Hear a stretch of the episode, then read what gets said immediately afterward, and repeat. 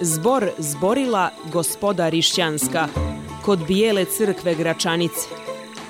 Bože mili čuda velikoga, kud se džede car Nemanje blago, sedam kula, groša i dukata. Tu se desi Nemanjiću Savo, pa govori gospodi Rišćanskoj. Oj Boga vam, gospodo Rišćanska, ne govorte o mom roditelju, ne govorte, ne griješte duše, nije babo raskovao blago, već je babo potrošio blago na tri slavna srpska manastira.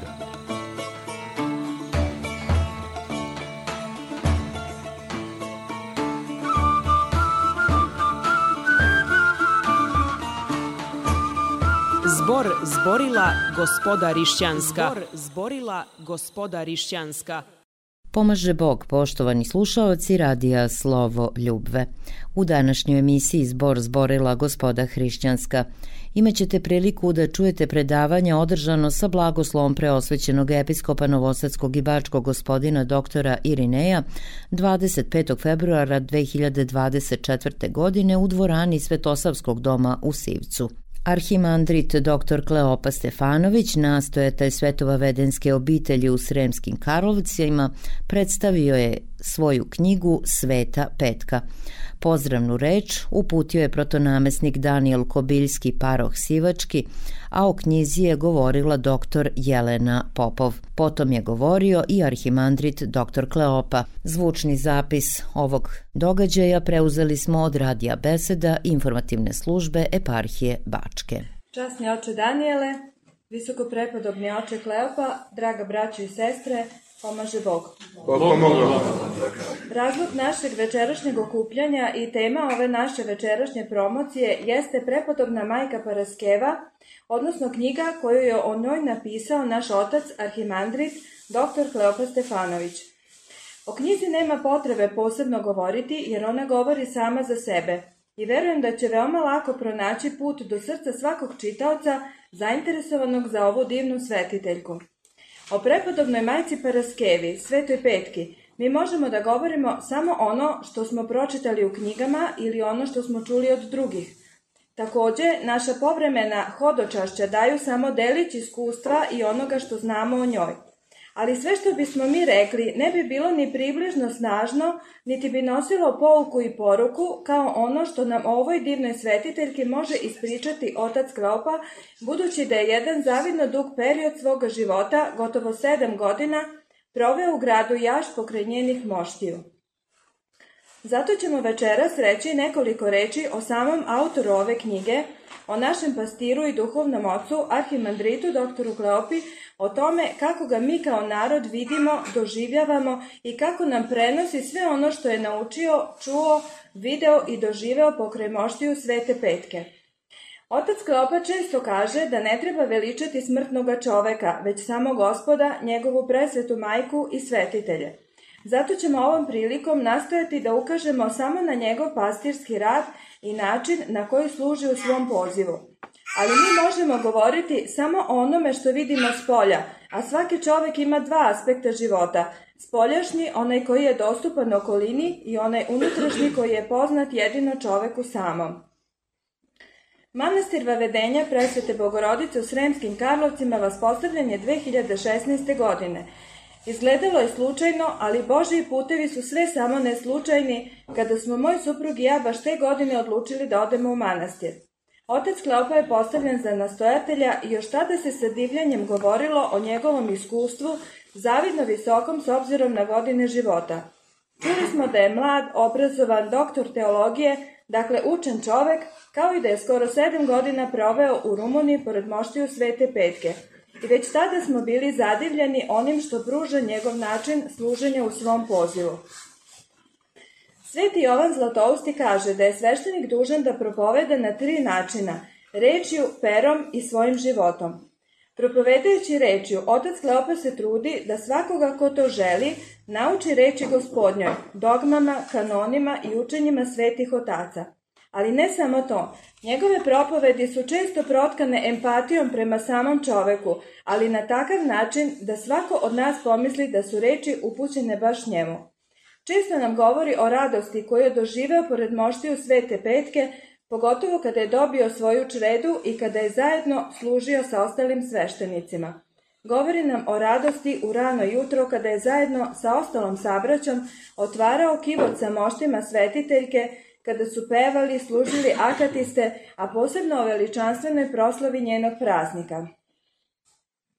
Čovjek u hram e, dolazi umoran, opterećen poslom, raznim brigama, pa ponekad i nekom krivicom i ono što mu je potrebno jesu reči razumevanja, podrške i saveta kako da se izbori sa svim tim. Potrebna mu je uteha.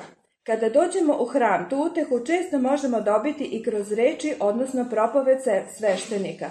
A jedan od segmenata služenja po kome je otac Kleopa zaista poznat jeste i dar besedništva – kada govorimo o ovom daru oca Kleope, moramo da se spomenemo i evanđelja o talentima i potrebi da se dobijeni darovi umnožavaju.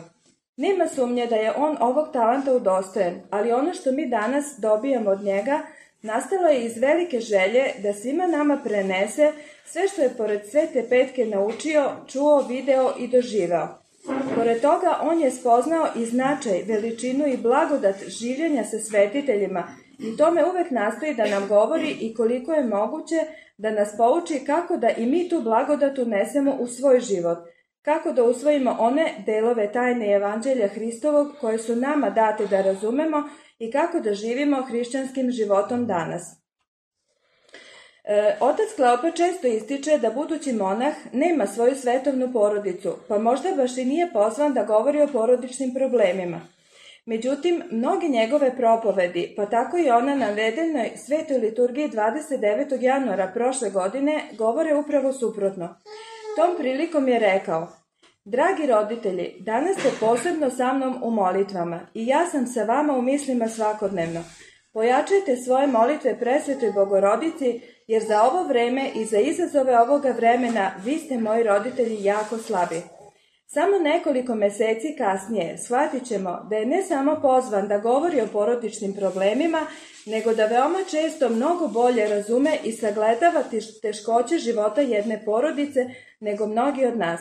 Kada se 3. maja 2023. godine dogodila ona strašna tragedija u školi Vladislav Ribnikar u Beogradu, koja je odnela živote nedužne dece, a njihove roditelje unesrećila za ceo život, svi smo zanemili – i setili se ovih njegovih reči upućenih današnjim roditeljima. Verujem da smo posle te tragedije ove reči oca Kleope svi doživjeli potpuno drugačije.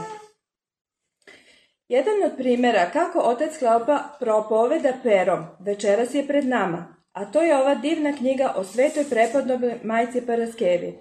Ukazujući na značaj ovog dela, episkop Sremski gospodin Vasilije je rekao da je otac Kleopa jednostavnim i razumljivim rečima ali i lepim, znalački odabranim slikama veoma širokom krugu čitalačke publike približio žitije Svete Petke. Na drugu, ne manje značajnu stranu ovoga dela ukazao je mitropolit Moldavije i Bukovine Teofan, koji je preneo utisak koji je na njega i oce u Rumuniji ostavi otac Klopa kao mlad student rečima. Oci mitropolitanskog sabornog hrama primili su ga u svoju obitelj sa puno ljubavi, očarani revnošću, postojanošću i entuzijazmom svog mladog brata Kleope. Ono što mi danas svedočimo jeste da ga ove osobine krase i danas i to u još većem intenzitetu nego kada je bio na početku svog monaškog puta. Sagledavajući vreme u kome živimo i brojna razočarenja koja su obeshrabrila mnoge i odvela ih pogrešnim putem, možemo samo da se divimo njegovoj snazi i veri koje mu nikada nisu dozvolile da se pokoleba, niti da odustane od puta koji je odabrao, a koji sigurno nije ni malo lak. Ako se pitamo kako je sveti Jovan Zlatousti mislio da sveštenik propoveda svojim životom, mislim da odgovor možemo dobiti posmatrajući život oca Kleope. Sveti Isak Sirin kaže, govoriti delima je jedna stvar, ali lepa reč bez dela je nešto drugo. Lepa, korisna i bogugodna reč je ono što svako dobije kada dođe, ali otac Kleopan najviše kaže svojim delima. Kada čujemo reč monah, često pomislimo na ljude koji žive odvojeno od sveta, u manastirima koji su na nekim udaljenim mestima, na Svetoj gori gde ne mogu svi ni otići. Zamišljamo i kako žive jednim usamljeničkim životom. Ali otac Kleopa je, mogli bismo reći, monah u savremenom svetu – koji samo na izgled živi kao i mirjani, ali njegov unutrašnji život je verovatno daleko od toga. Bez obzira na to u kojoj prilici razgovaramo sa njim, prvi utisak koji ostavlja jeste da je najvažniji segment njegovog života služba Bogu i ljudima. Veliku odgovornost pokazuje prema narodu koji je poveren od gospoda i svako njegovo delo ima za cilj da do svakog čovjeka dopru reči evanđelske propovedi i da se svaki čovek spase. Posmatrajući način na koji služi u svom pozivu, prvi zaključak jeste da je on jedan požutovani pastir koji veoma voli svoj narod. Uvek na umu ima samo ono što je njegov poziv i kako sam često kaže zašto je život dao, a to je propovedanje vere i velika želja da sve ljude privede Bogu. Kao što je sveti nektar je volao onaj stih iz 50. psalma koji kaže Naučit ću bezbožnike putevima tvojim i bezbožnici će se obratiti tebi, tako i otac gleoba gde god se nađe nastoji da čoveka usmeri prema Bogu. Iako je njegov poziv ima mnogo segmenata kojima je posvećen, jer on je profesor u bogosloviji, duhovni koji ispoveda i još dosta toga što podrazumeva svešteno-monaški poziv, ipak ono što je glavno u njegovom životu jeste bogosluženje. Poseban značaj pridaje svetoj liturgiji i dok služi stičem utisak da ona za njega lično predstavlja ogroman duhovni doživljaj – Često govori, uvek dođite pre početka da celivate ikonu i upalite sveće pre nego što sveta liturgija počne. Iako nema broja koliko je do sada odslužio svetih liturgija, on svaki put služi sa istim strahopoštovanjem i radošću kao i prvi put. Mnogo puta smo svedočili sa kakvom duhovnom snagom služi i sa kakvom duhovnom snagom smo mi odlazili svojim kućama posle božićne i vaskašnje liturgije. Često puta ljudi nisu mogli da svoje oduševljenje zadrže samo za sebe, nego su iskazivali rečima. Ova vaskašnja liturgija je bila toliko veličanstvena da bi i nevernika zalutalo u manastir preobratila u vernika. Isto tako i sam iskaže svoju radost tokom služenja, pa je tako jednom prilikom rekao, pa vidite li koliko je lepa ova sveta liturgija, ja sam sada toliko srećen da bih uzeo jedan džak i u njega potrpao sve ljude napolju i donio ih da osete ovu radost i lepotu. Često govori o tome da molitva u stvari jeste služenje u svom pozivu koji nam je svima od Boga dat. Da lekar treba savjesno i požutovano da leči ljude, da umetnik treba najbolje moguće da peva, slika ili piše, da svaki posao koji radimo treba da radimo kao da radimo za gospoda i koliko je važno posvetiti pažnju svojoj porodici. U želji da ne zvuči previše strogo, on to kako i sam kaže upakuje u jedan ružičasni celofan pa može da zvuči i zabavno i ponekad i šaljivo. Ukazuje koliko žene treba da vode računa o tome da svi u kući budu opeglani, da ručak bude skuvan i da se ne može izgovarati čitanje makatista ili nekih drugih knjiga. Jer kako on kaže, najveća je molitva kada uz jedan zamah peglom ili varjačom kažeš Gospode, budi milostiv meni grešne. Otec Kleopa veoma veliki značaj daje ispovesti i duhovnim razgovorima. Mi koji smo često u manastiru svedoci smo da sate i sate provodi u manastiru na svojoj poznatoj klupici slušajući tuge i nevolje ovoga jadnoga i napaćenog naroda. Svakog čoveka prima sa istom srdačnošću i željom da pomogne, saoseća se svakom mukom ili bolom. Naročito mu teško pada kada se radi o bolesti dece i gotovo da nema jutarnje večernje službe ili svete liturgije da ne pomene barem dvoje ili troje bolesne dece. Za oca klepo je uvraženo mišljenje da je blag, da nije strog duhovnik, međutim, zavisi kako posmatramo. Njegova blagost ogleda se u beskrajnom strpljenju koje pokazuje prema svakom čoveku – u vremenu odvojenom da svakog čoveka sasluša, posavetuje, da pomogne nebrojeno puta i opet i opet i kada slušamo i kada baš i ne slušamo savete koje nam pruži. U tome što uvek razmišlja šta bi još moglo pomoći i koja molitva bi se mogla pročitati. Ali kada ga pitate kako treba ispravno živjeti onda kaže Poštuj sve što je Božije, čitaj sveto pismo, imaj molitveno pravilo za svaki dan, čitaj akatiste svete oce, posti, ispovedaj se, pričešćuj se, trudi se da ne grešiš, čuvaj svoju porodicu, radi svoj posao kao da radiš za gospoda, pomaži koliko si u mogućnosti, dolazi redovno u crkvu, pogotovo nedeljom. I onda kada sve to radimo, a zakasnimo na lituriju, on kaže, žao mi je, ali lađa je otplovila. Strog je u ispunjavanju onoga što hrišćanski život e, traži u prvom redu prema sebi, a onda i prema svima nama. Uvijek nam ukazuje na značaj još nečega što mi vrlo često zaboravljamo, a to je zahvalnost Bogu i njegovim svetima. Gotovo svakoga dana dolaze ljudi sa molbom – Oče, pročitaj molitvu za zdravlje, za ovo, za ono i uvijek on ispuni te molbe. Ali također i kaže, kada gospod ili svetitelj kome smo se molili usliši molitvu, kada dođe do ozdravljenja, dođite da zahvalimo. Kao što smo pročitali prozbenu molitvu, isto tako da pročitamo i molitvu blagodarenja. Nažalost, takvi smo ljudi da kada izađemo iz nekog problema, odmah zaboravimo i na crkvu i na Boga i odemo svojim poslom. A to je nešto što njega zaista rastuži, pogotovo kada se ti ljudi pojave ponovo, opet neki problema. I na kraju, ima jedna rečenica koju on vrlo često koristi, pogotovo kada govori o tome da ne treba da osuđujemo druge i da uvek treba da se opominjemo reči svetoga pisma zašto vidiš trnu oku brata svojega, a ne vidiš brno u oku svome.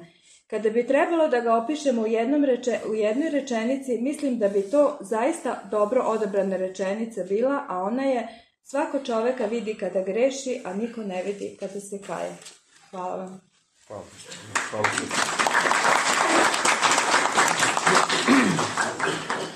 Dragi oče Danijele, poštovana gospođa Jelena, draga braće i sestre, vaš sveštenik, otac Danijel, ja se poznajemo veoma dugo. Zajedno smo pohađali bogosloviju svetoga Arsenija Sremca i ja mu uvek dolazim i on meni uvek dolazi kao brat bratu. Danas Sveta crkva se spominje dvojice ljudi. Jedan je bio farisej, a drugi carinik. Danas crkva pred nas stavlja dve prirode ljudi. Prva to je hvalisanje, kao što možemo i mi često puta čuti. Hvala ti Bože što nisam kao ostali ljudi, postim, dajem sve što treba. Bože, ja sam najveći, najmoćniji. A onaj drugi, carinik, je nije se usudio ni da uđe na vrata hrama, stao je negdje u pripratu, kako bismo mi rekli današnjim rečnikom, i bio se u prsa, izgovarao one čudesne reči koje mi danas izgovaramo u našem molitvenom pravilu, a to je Bože milosti budi meni grešnome. I gospod Isus Hristos, objašnjavajući situaciju, to jest veličinu ovoga koji se unizio i poraz ovoga koji se hvalisao govori da se ovaj opravdao, a da je ovaj u istinu veliki pred Bogom taj koji je priznao svoju grešnost, svoju ništavnost i svoju malenkost. Odjednom u datome momentu onaj koji je gradio sebe velikim postao je mali, a onaj koji je gradio sebe malim postoje veliki. To je čudo, da ga braće i sestre, u našem hrišćanskom životu. Zato i Gospod Isus Hristos kaže, često puta kaže, i mnogi posljednji bit će prvi. Nemoj da se začudite kada vidite u Carstvu Nebeskome pre vas mnoge ljude u koje ste vi možda uperili prst i rekli on je takav, on je takav, on je takav, ali mi kao što smo čuli i u ovome prethodnom izlaganju, mi svakoga vidimo kada greši, a nikoga kad se kaje, kad suze proliva i kada pati zbog svojih grehova i svojih sagrešenja Taj carinik, on je bio veoma malen, ali znao je svoju grešnost i poznavao je svoju grešnost i nije se usudio ni da pogleda ka visini nebeskoj i kroz to svoje samo uniženje ili kako bismo mi rekli u crkvi smirenje ili poniznost, on je stekao pohvalu od Boga. I zato carstvo nebesko, draga braće i sestre, nije sabor velikih ljudi, nego carstvo nebesko je sabor ljudi koji su sebe unizili pred Bogom, a Bog ih je uzvisio, Bog ih je učinio velikim. Evo danas smo se okupili opet jednim povodom koji zaista dolazi u tesnu vezu sa današnjim pročitanim evanđeljem. Svako bi od vas rekao kako je žena mala, kako je žena nemoćna, kako je žena krhka, kako je nesposobna. Ali evo vidite, dragi moji, da kroz istoriju crkve i kroz istoriju čovečanstva žene su bile veoma velike i ugodne gospodu. Uvek polazimo od presvete bogorodice. Kako je zovemo mi u crkvi Nova Eva. Zato što ona stara Eva, znate, u starom zavetu prekršila je ono što je dala obećanje Bogu, ali grešku stare Eve trebale da opere nova Eva. A nova Eva, to je presveta vladičica naša, bogorodica. I vi dobro znate da ju je Bog odabrao čitavoga čovečanstva da posluži jednoj velikoj tajni, da njena utroba postane most između neba i zemlje, da njena utroba u stvari postane kolevka našega spasenja, kao što pevamo za blagovesti. Danas je početak našega spasenja, jer začećem Sina Božjega, utrobi presvete Bogorodice, počinje naše spasenje. Počinju da se očkrinju i počinju da se otvaraju vrata raja. Kad je Arhanđeo Gavrilo došao Bogorodici i rekao raduj se, a ona služeći u svetome hramu, naravno da se uplašila njegove posete. Zamislite sada svako od vas da dođe arhanđeo sa krilima i da vas poseti. Normalno da vam ta poseta bila bi vam draga u svakom slučaju od Boga, ali bili biste u čudu. I presveta bogorodica toga momenta prima zapovest, to jest prima naredbu od Boga i prima veliku objavu, a to je da će postati majka Božija da će poslužiti tako velikoj tajni, da je upravo ona izabrana od vaselog roda ljudskoga, da bude majka Božja i da bude majka Bogorodica. Ali pogledajte, u tom samome momentu, sad se opet vraćamo na današnje evanđelje pročitano, u tom samom momentu gdje ona postaje daleko iznad čitavog čovečanstva, svega stvorenog na ovome svetu, jer ona će roditi Boga, rodit će Sina Božjega. Ona upravo pokazuje svoje smirenje. Pa današnje možda žene, kada bi im se javio tako anđeo i kada bi im dao takav zadatak, pa ja mislim da bi to u datome momentu znale sve Instagram stranice, svi Facebooki moguće ovoga sveta, da bi se to objavilo na sve moguće medije i da bi to svi danas znali. A ona je u tišini svoga srca samo rekla, evo službenice gospodnje, neka mi bude po reči tvojoj.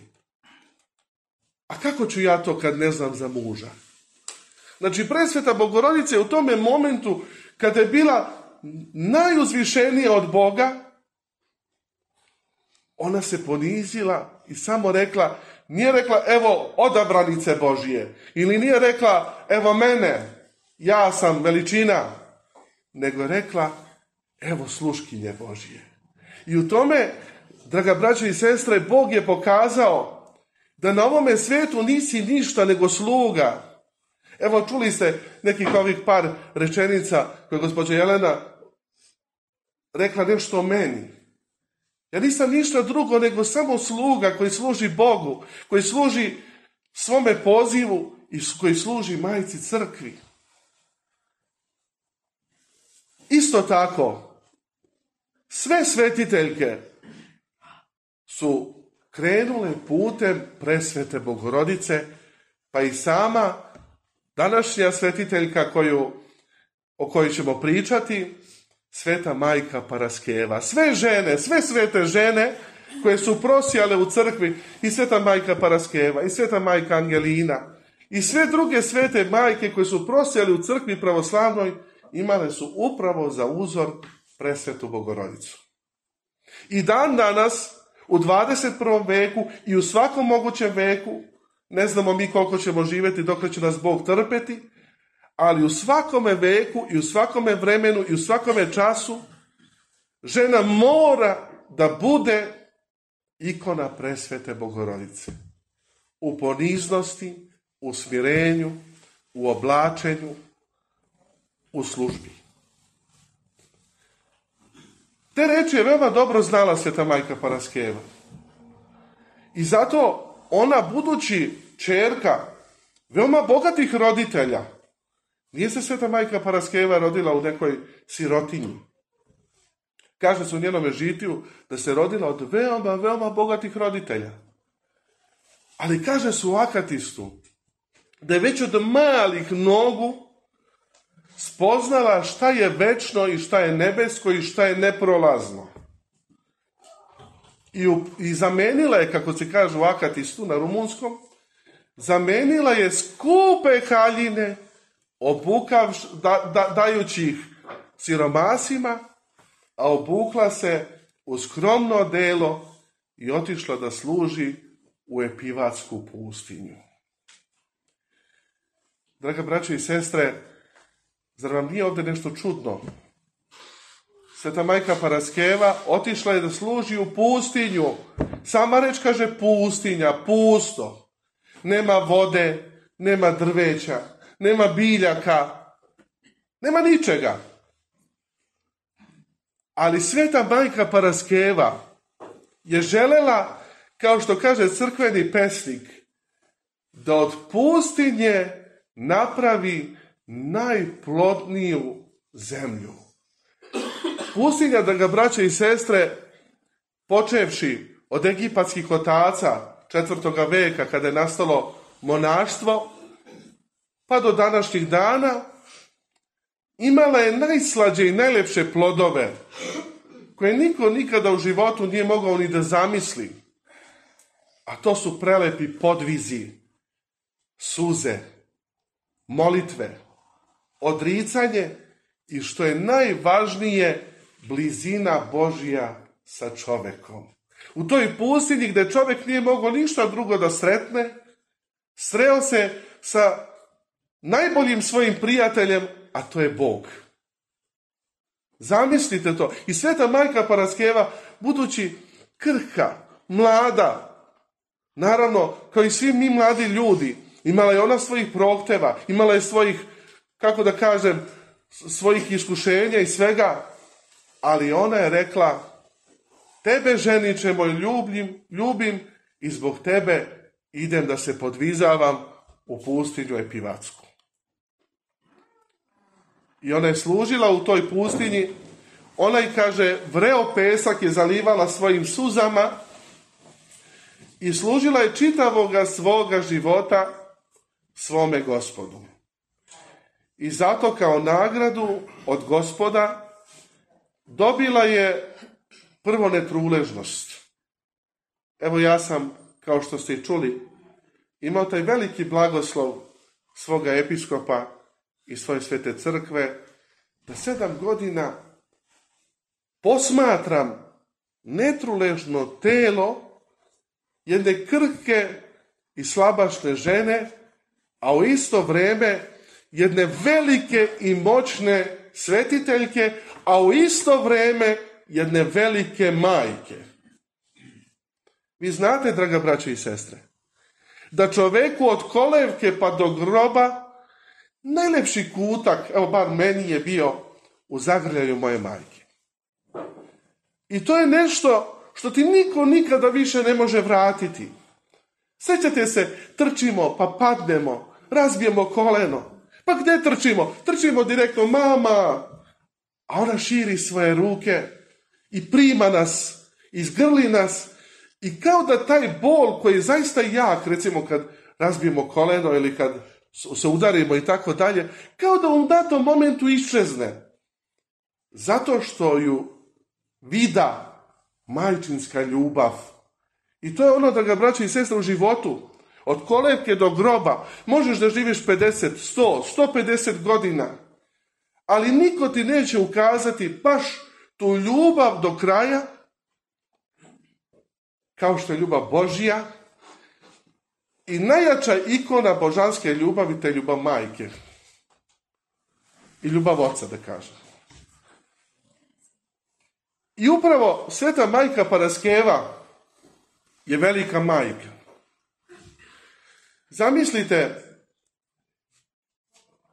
taj blagoslov koji sam dobio te 2007. godine od svoga episkopa, kad se pojavio u manastiru Staro, Hopovo gdje sam služio, vjerojatno vam je poznato, u to vrijeme taj manastir je bio u jednome procvatu. Inače, manastir je bio ruševina dugo godina, do dolaska jednoga čovjeka iz Novoga Sada, koji je sa svojih deset prstiju i uz pomoć tada žitelja zemlje živih, jel tako, počeo da obnavlja manasir. I sad sedimo mi i dolazi vladika i kaže ovako. Kleo, pa ja te šaljem na dva fakulteta.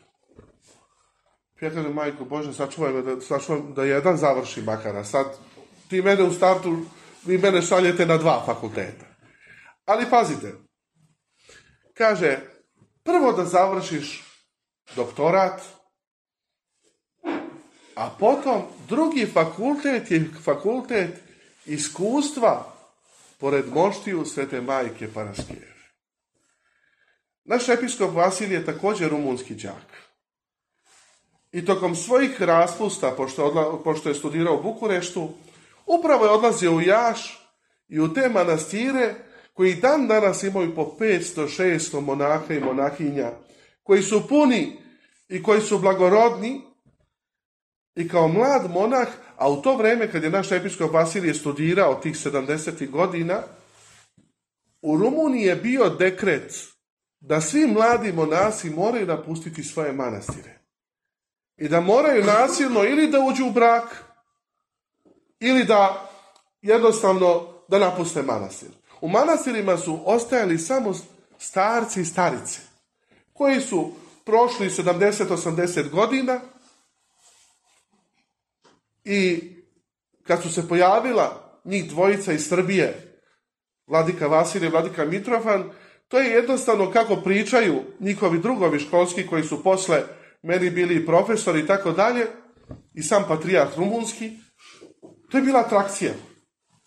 otkud dvojica mladih monaka u sred Bukurešta. To je jako tužno kroz što je prošla zaista ova i ta rumunska crkva od komunizma i sve to. Zamislite sad kada neko ima poziv Boži i želi svome gospodu da služi i sada dođe ta neka komunistička vlast i natjerate da nasilno uđeš u brak ili tako dalje, pa da je čovjek teo da uđe u brak, ušao bi u startu. Ne bi čekao ne znam šta. Tako da, tako da to je bolno, zaista. Jednom se sećam jedne posjete Manasiru Putna i sada ima jedan starčić.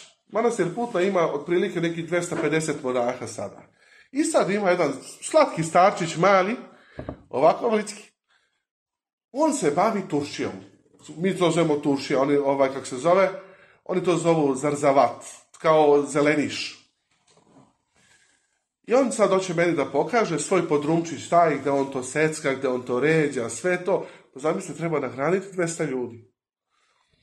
I sad silazim ja dole sa njim, a on suze Kaže, nikada u životu, kaže, neću preplakati i neću preboleti, kaže, onda kada su došli, kaže, i kada su nas isterali iz manastira i kada smo morali, kaže, da odemo nasilno da napustimo svoje kelije, svoju molitvu. I tada su mnogi, pa među njima i starac Kleopa, moj imenjak, živjeli su, verovali ili ne, draga braćo i sestre, u šumama. Živjeli su u šumama. Kaže, ne možete preživjeti u šumi. Evo vidite da može i čekali su da ta snaga toga dekreta prođe. I onda su se vratili ovaj, u svoje manastire i tako dalje, ali su preživjeli u šumama. I stara Kleopa ima jedna baš slika gdje on u svom kođuku tamo u jednoj šumi čuva, čuva stada i tako dalje. Tako da, tako da vidite, u šumi se može preživjeti. To su ti monasi zaista dokazani. I hoću da kažem da vladika Vasilije je znao prvo dušu tih ljudi koji žive tamo. Duša ljudi koji žive u gradu Jaši je jednostavno vezana za svetu majku Paraskevu. Saborna crkva u kojoj se nalaze mošti upravo u centru grada, kao srce. Kao što se nalazi u centru tela, tako se na uzvišenju nalazi ta katedralna crkva posvećena sretenju gospodnje, u kojoj se nalaze mošti Svete Majke Paraskeve i tu je sedište mitropolije Moldavinsko-Bukovinske i tu sam ja došao, nisam znao ni jezik, nisam znao ni ko će da me primi, nisam znao ni ko će da me dočeka. Ja izlazim iz škola zahvaljujući ljubavi i dobroti vladike Lukijana i Stemišvara, otac Marinko tamošnji vikar me je dovezo, ja izlazim iz škola, ono čitav odbor za doček. Vidite, ja jednostavno došao sam tu da studiram, mitropolit čeka, čekaju njegovi saradnici i kaže ovako, mitropolit tada, očekle, Kleopa, od danas je jedan od nas. A u Rumuniji pri svakoj sabornoj crkvi služe monasi. Jer smatra se da prvi u jednoj episkopiji ili mitropoliji je episkop koji dolazi iz monaškog reda, a njegovi saradnici su monasi. Ja sam tad dobio svoju keliju, ušao u tu keliju i rekao šta sad? Ali kaže ovako, dobit ćeš da služiš liturgiju. uvijek kad budeš želeo, i moći ćeš da dežuraš pored moštiju uvek kada budeš želeo. Ja u svome starom kopovu, verovali ili ne, pored svojih duhovnih otaca, od Satanasija i oca Justina, koji je sada episkop u Francuskoj, posebno od vladike Justina, naučio sam da ne, držimo, da ne držimo mi bogosluženje, nego da bogosluženje drži nas. Sjećam se jednom prilikom, mi nismo imali ni puta, ni struje, ni vode, ništa nismo imali. Mi smo živjeli, ali bukvalno u tom, tom malom manastirčiću odsečeni od sveta. I sad jedno jutro, budući da je svuda blato oko nas i zemlja i sve to, vladika sadašnji Justin izašao da klepa. I ja onako razmaženi Beograđan kažem, pa kome sad klepaš sad ujutru Ko će tebe da čuje, jer su nas drveće, mislim, do prve civilizacije 6 km, do prve kuće, 6-7 km, E, kaže, vidiš oče. Izašao sam tako, tako dok ti još nisi došao, ja sam klepao, pa sam te svojim klepanjem prizvao da bude još jedan sabrat ovdje u manastiru.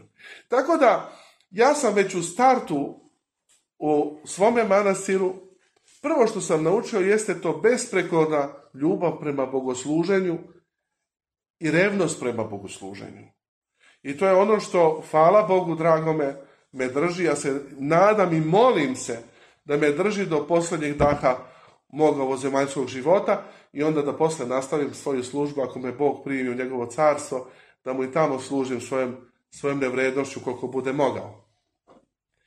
I šta sam radio? Ja uzo telefon, tamo onda mi neku karticu sredili da se javim kući roditeljima ja sam slušao liturgiju na rumunskom, znači, i, to, i upijao reči, akcente, znači ja sam imao jedan služebnik i tamo sam udarao akcente kako na srpskom se piše, neka, piše neka reč i tako dalje. I ono, draga braće i sestre, što sam prvo sebe naoružao, jeste sveta liturgija, koju sam služio, ali bukvalno i bukvalno svaki dan. Tad sam bio jerođakon u početku, Znači, služio sam svaki dan. poslovi se navikli na mene, pa idemo mi s porodicom, ovaj, kako se zove ti džakoni koji su bili na praksi, idemo mi malo s porodicom na zelenu travu i tako dalje. Ima Kleopača, on će to da obavi i tako dalje. Tako da, bilo mi je zadovoljstvo i radost da služim. A potom da naučim taj jezik i da izvršim svoje poslušanje koje mi je dao moj episkop moja sveta crkva. I onda kažu meni oci, ajde, kaže Kleopa, ti na dežursu Ja mislim da nikoga sretnijeg od mene nije bilo. Da ti možeš da svakodnevno dođeš ujutru u šest sati, pola 7, 7, zavisi da li zimsko ili letje vreme, i da učestvuješ u otvaranju kivota koji nije samo kivot jedne svetiteljke. Tu ne boravi samo svetiteljke u tom kivotu. Pa tu boravi cela vasiona. Ako si slep, tu boravi progledanje. Ako si hrom, tu boravi tvoja snaga da ustaneš, da prohodaš. Ako si glup, tu leži snaga da čuješ. Znači jednostavno, jedan kivot koji je u isto vrijeme i kivot,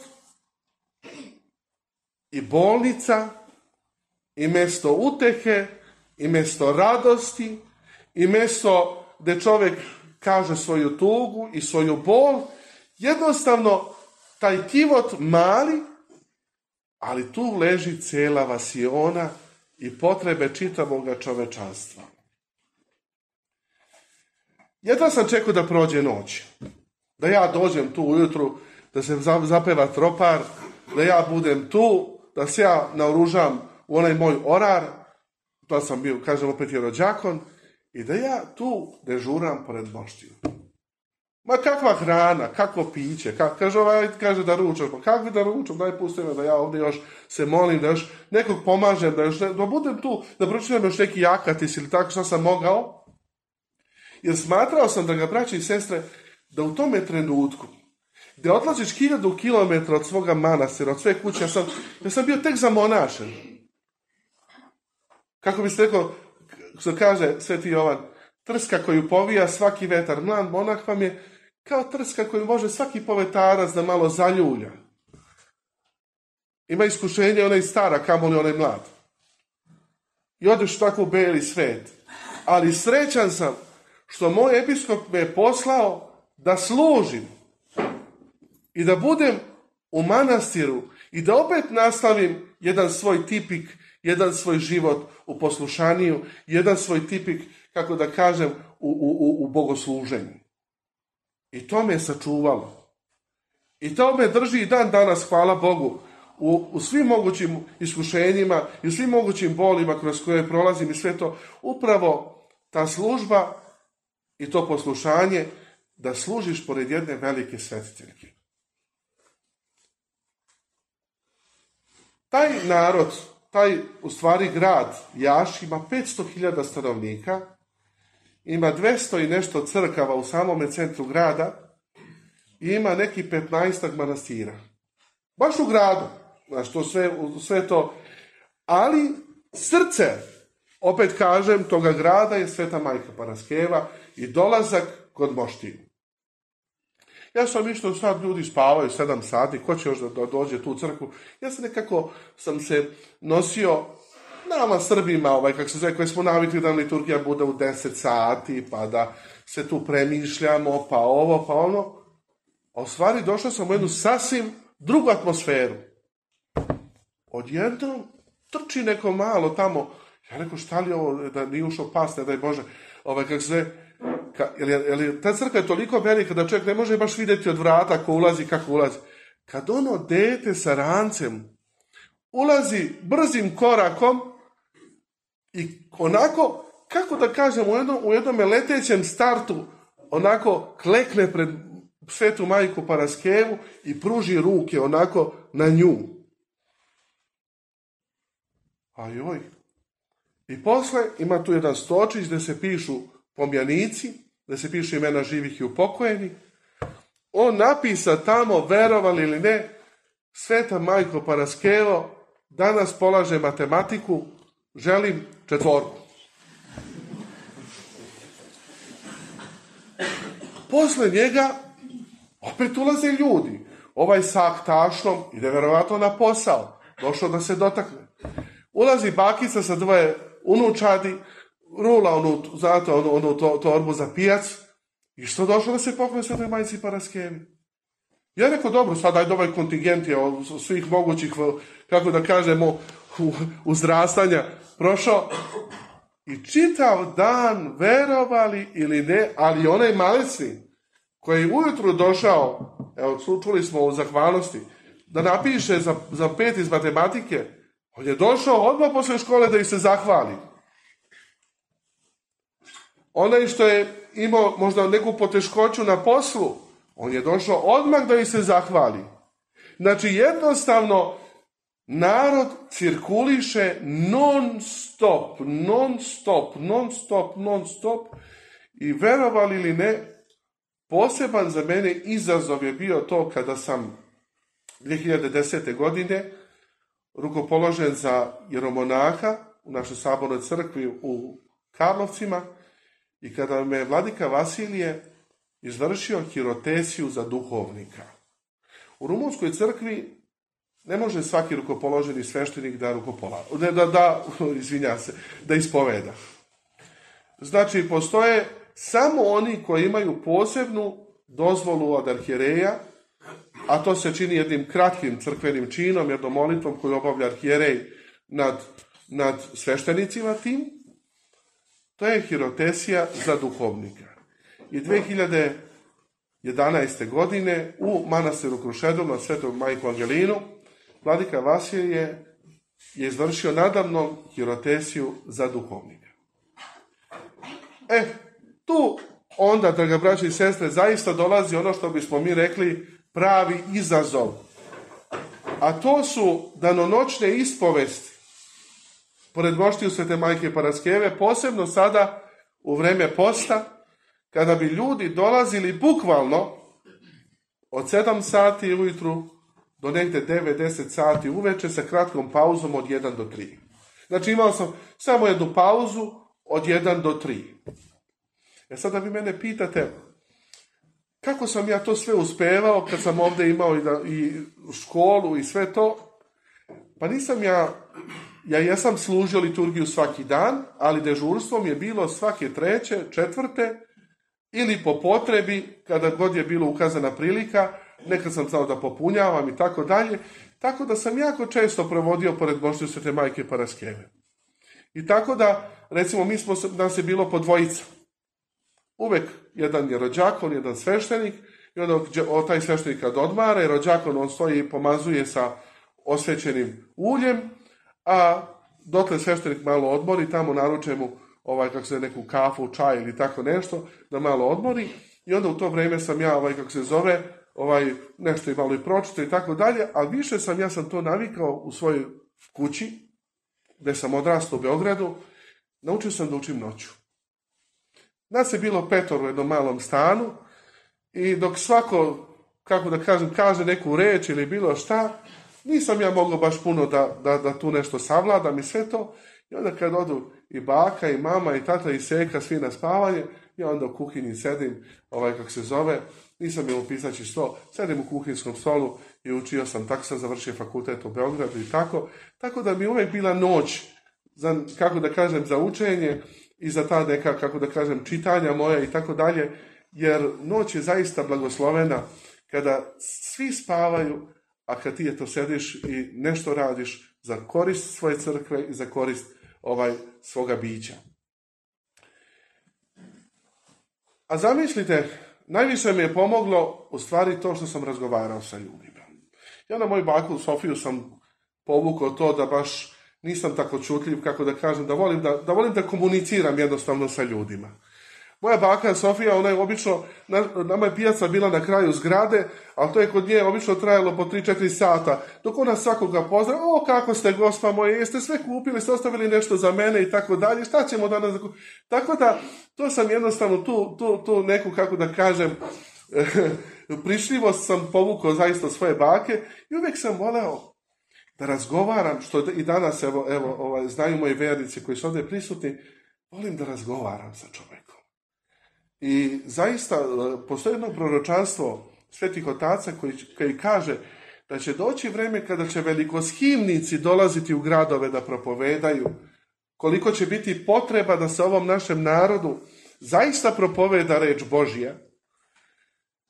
Jer svaki čovek, evo gledajući vas i vas ovdje večeras, je u istinu jedna nova priča, jedno novo bogatstvo, jedan novi izazov. I obično kažu sveštenici tamo u Rumuniji, kažu u mitropoliju, dolaze oni da se ispovede koji ne smiju kod svojih sveštenika. I to je mnogo teže. Pošto oni su zaista, kako da kažem, eh, edukovani u tome eh, crkvenom životu, zaista edukovani. Znači, kad govorimo E, o, govorimo zaista o onom, onom delu tamo Moldavije, Bukavina, blizu Ukrajine. Znači, ne govorimo ovdje o Banatu. Banat je blizu nas, pa smo negdje tu isti i slični i tako dalje po svemu. I onda zaista, ljudi koji ne smiju dodu kod svojih svešnika da se ispovede, strah ih je, pošto to su obično mala sela okolo, sve to, onda dođu i ispovedaju se kod nas. I onda tu su bili često puta u mitropoliju dolazili su i veliki starci, monasi. Sjećam se nekog starca, Konstantina. On je mene jako volao. Na mi je ustupio svoju sobu kad je prešao u manastir, ovaj, kad je prešao u manastir Vavedenja, pa Vavedenja, prešao u manastir Vavedenja. To je jedan skit manastira Njamc, zove se Vovedenije. I vidite, nisu promijenili naziv.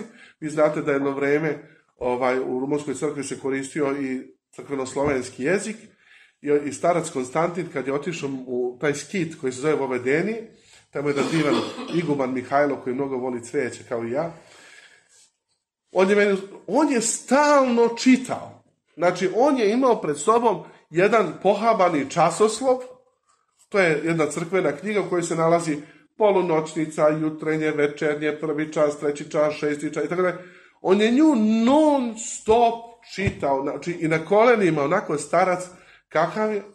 I on, ja se sjećam u oltaru, uvek ga možeš zateći, kako kleči, tamo kako su one, kako je gornje mesto, tako imaju one, one stasidije za sveštenstvo, i on kleči dole na jednom jastučiću, onako nagnut na tu stasidiju i čita. I koliko puta sam jednostavno nalazi se u takvoj situaciji i odem ja klekne pored njega i sačekam da se on okrene prema meni, nisam želeo da ga remetim i pitam ga, oče, imam takvu i takvu situaciju, imam to i to, možete li mi pomoći, dajte mi savjet i sve to. I zaista za jednoga mladoga monaha uvijek je dobro, kao i za svakoga čovjeka, da ima svoga duhovnika i da od njega crpi znanje. Ja sam tog starca Konstantina jako, jako puno stvari čuo. I dobio sam prvo ikonu Svete Petke od njega. I on je mene, on je živeo dugo godina u Americi. I on zna šta znači živjeti u drugome mestu, van svoje kuće, van svega. I on je mene nekako uvijek bio prigrlio tako i uvijek me je savjetovao dobrim savjetom i zaista hvala mu od srca, volao bi da me Bogu dostoji da, da odem uskoro, da se opet, opet onda je dolazio starac Valerijan. Onda sam išao u manastir Sikastriju gdje su čuveni starci, potom, to jest učenici starca Kleope, stanca Pajsija i drugih staraca, ali u manastiru Sihastrija, nekako u srcu, pored svih onih lepih bogosluženja, najviše mi je ostalo u srcu groblje. Došli smo jedno večer, onako, bilo je već suton ka noći, i odjednom, iznad manastira, bila je kao jedna, kako da vam kažem, kao jedna užarena duga onako užarena duga. Ja sam pitao šta je to gore? Kaže, to je naše groblje. Znači, a kad uđete gore, znači onda morate se popeti, to je iznad manastira. Kako uđete, onako kako su redovi grobova, tako svaki grob ima po dva kandila. I to uveče, verovali ili ne, tako svetli kao jedna duga iznad manastira. I tu su sahranjeni i starac Kleopa i njegov duhovnik i njegova duhovna deca i tako dalje. Tako da e, jedna zemlja, to jest manastiri koji su svoj život crpeli sa Svete Gore, zahvaljujući Pajsiju Veličkovskom, koji je tu propovedao i koji je tu doneo seme svetogorskog služenja koji dan danas ima. I danas recimo imate, čitali ste verovatno Virgil Georgiju, ovaj, njegove knjige, on je sad, ovaj, kako se zove, proglašen, kanonizovan za svetitelja i tako dalje. Vi dan danas, recimo, imate manasira Agapiju, gdje imate gdje je jedno monaško selo u stvari. Vi ste navikli na manasire, da oni malo budu onako zatvorenog tipa, kao kloster ovako. Vi recimo uđete na kapiju i vidite jedno 200-300 kuća i par crkava između njih, tu recimo živi jedna stara monahinja i tri mlade. Znači, žive idioritmijskim načinom života, zasebnim načinom života i, kako da vam kažem, često puta se desi da recimo tu budu majka i dve čerke. Ili majka i tri čerke. Kod njih je jednostavno monaštvo tako blisko ljudima da često puta ode majka, pa odu deca, pa ode i otac da se zamonaši i tako dalje. Tako da nije tako tabu tema kao kod nas Srba, kad neko kaže hoće da se zamonaši, onda ne znam, majka hoće da skače kroz prozor, otac seče vene i tako dalje. Ne, monaštvo je jedan divan put, jedan blagosloveni put, dragi moji. Jako je to tužno kad nekom kaže, pa oj, za monaši se, šta te košta, imam ja, evo, džake moje.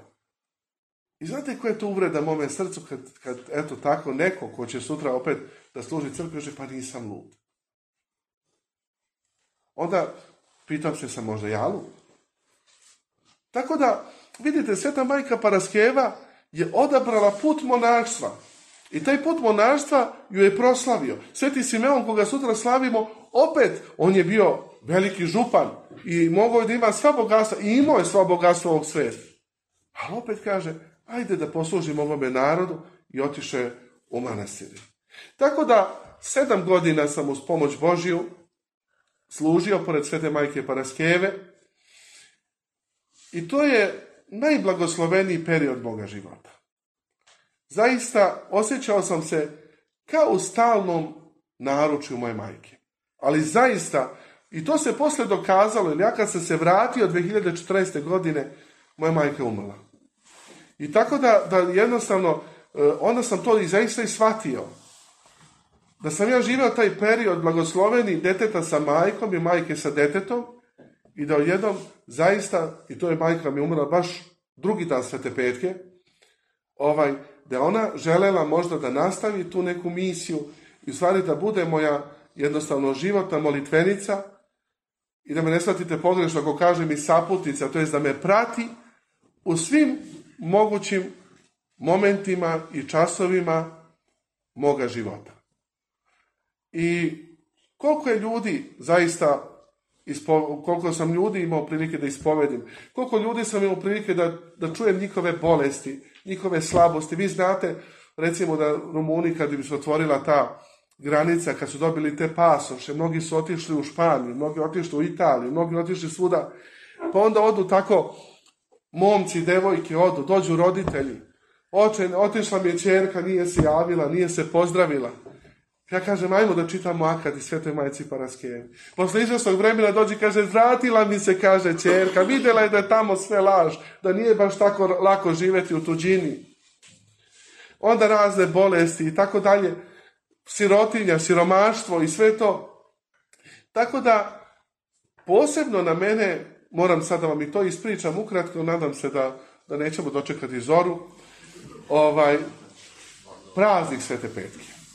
Vi znate da rumunski narod slavi po novome kalendaru, to je dan kada mi ovdje u Srbiji slavimo pokrov Majke Božije, a to je 14.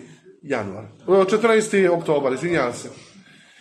Ne znam šta bi Ovaj, ali znate, nedelja za nas sveštenike nedelja malo ovako, kako da kažem, iscrpna. 14. oktobra je praznik Svete Petke u Jaši u Rumuniji i toga dana ja mislim da se ceo svet skupi u Jaši.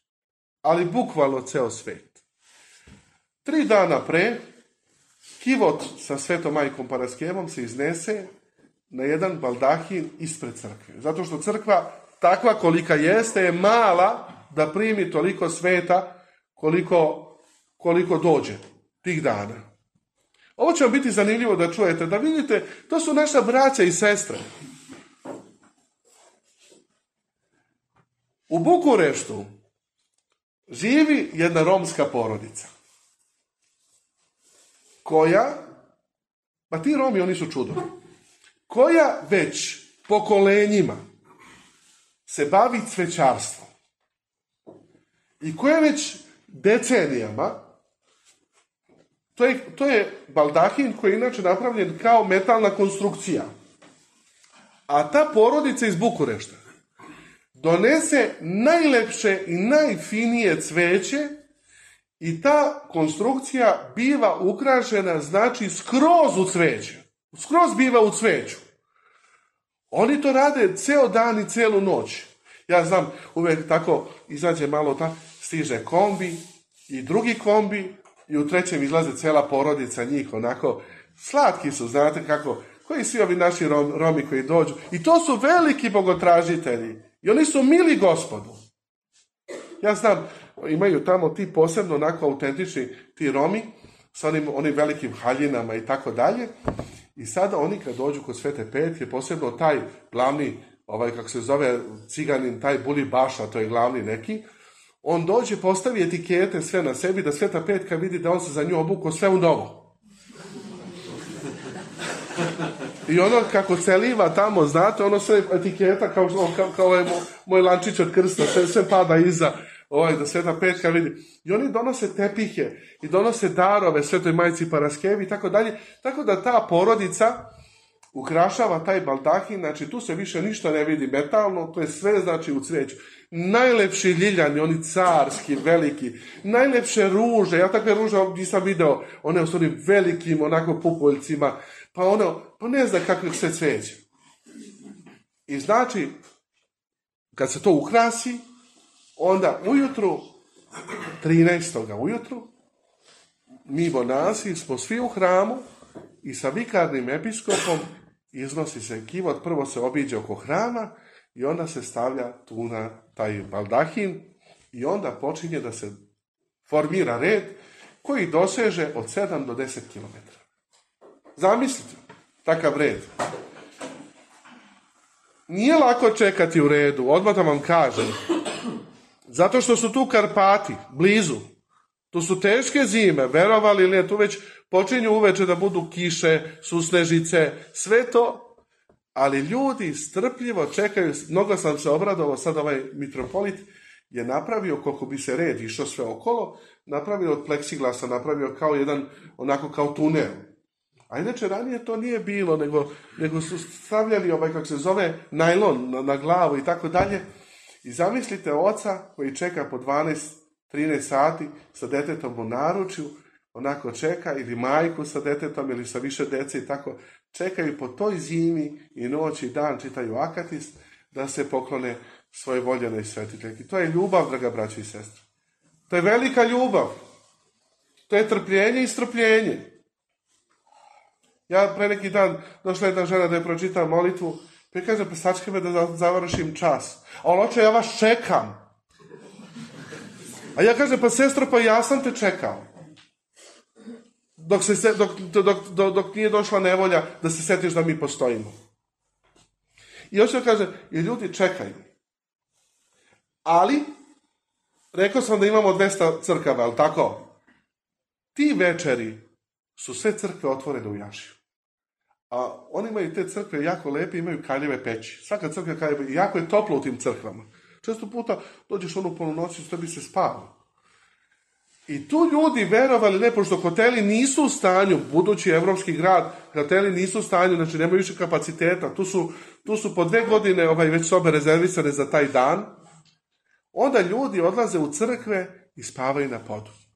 Ja sećam jedno, mi smo se smenjivali na četiri sata i sad meni upalo negdje oko tri sata ujutro da, da, dođem, ja ulazim tu u katedralu da, da uzmem epitrahilje i tako dalje, ja se jadan preskačem ako preko naroda ovako, znači, a šta ćeš? Hladno je ljudima i to sve. I oni tu pospeju po crkvi. Naravno, imaju toaleti napolju, sve to, sve to. I narod, vernici, tih noći i dana ne spavaju, nego pri tim crkvama, kao što imate ovaj svetostavski dom, lepo, tako svaka crkva ima ovaj isto svoju jednu salu, to se prave čajevi, sendviči, pakuju se paketići, oni lunch paketi i tako dalje, i čitav grad je u funkciji hodočasnika. I ti sad čekaš u redu, dođe ti neka žena sa korpom, kaže, izvolite, izvolite to čaj i tako dalje. Znači, to je jedna, onako kako da kažem, organizacija braće i sestara i sve to. I onda na 14. dan, na 14. služi se velika liturgija u kojoj dolazi ceo sabor Rumunske crkve.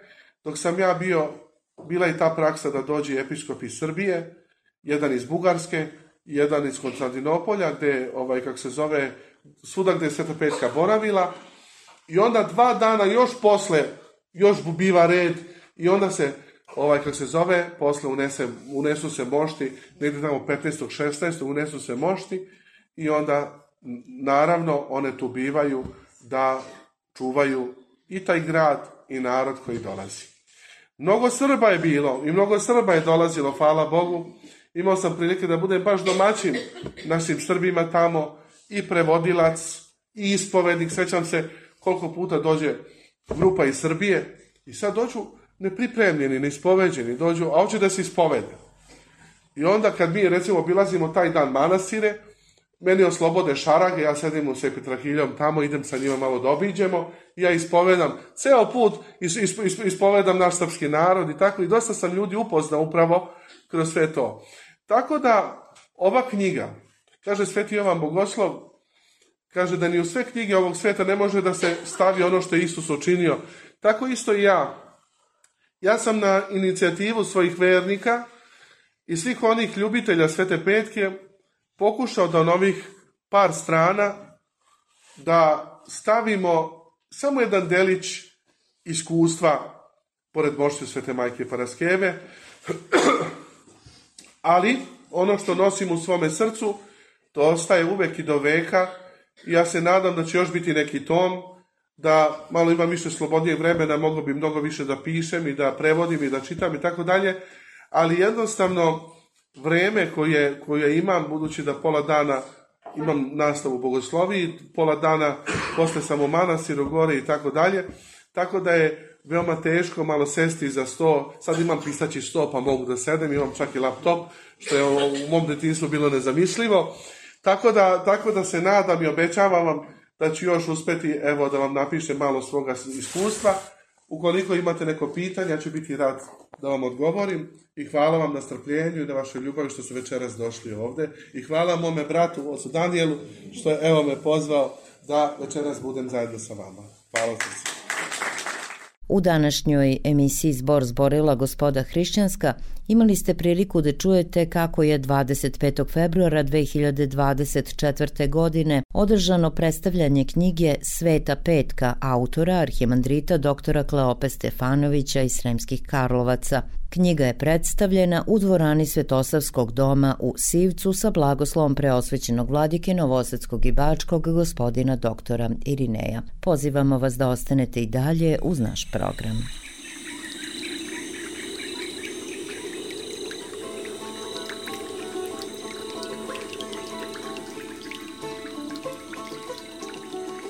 U glas viknu gospoda Rišćanska prosto da si Nemanjiću Savo, prosta duša tvojih roditelja, prosta duša čestito tijelo, što nosili svijetlo vam bilo, što rodili sve vam sveto bilo.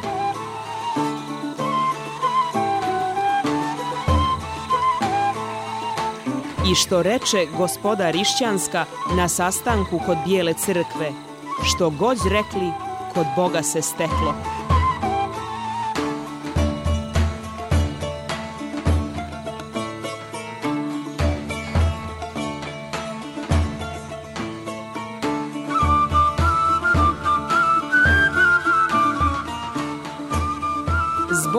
zborila gospoda Rišćanska. Zborila gospoda Rišćanska.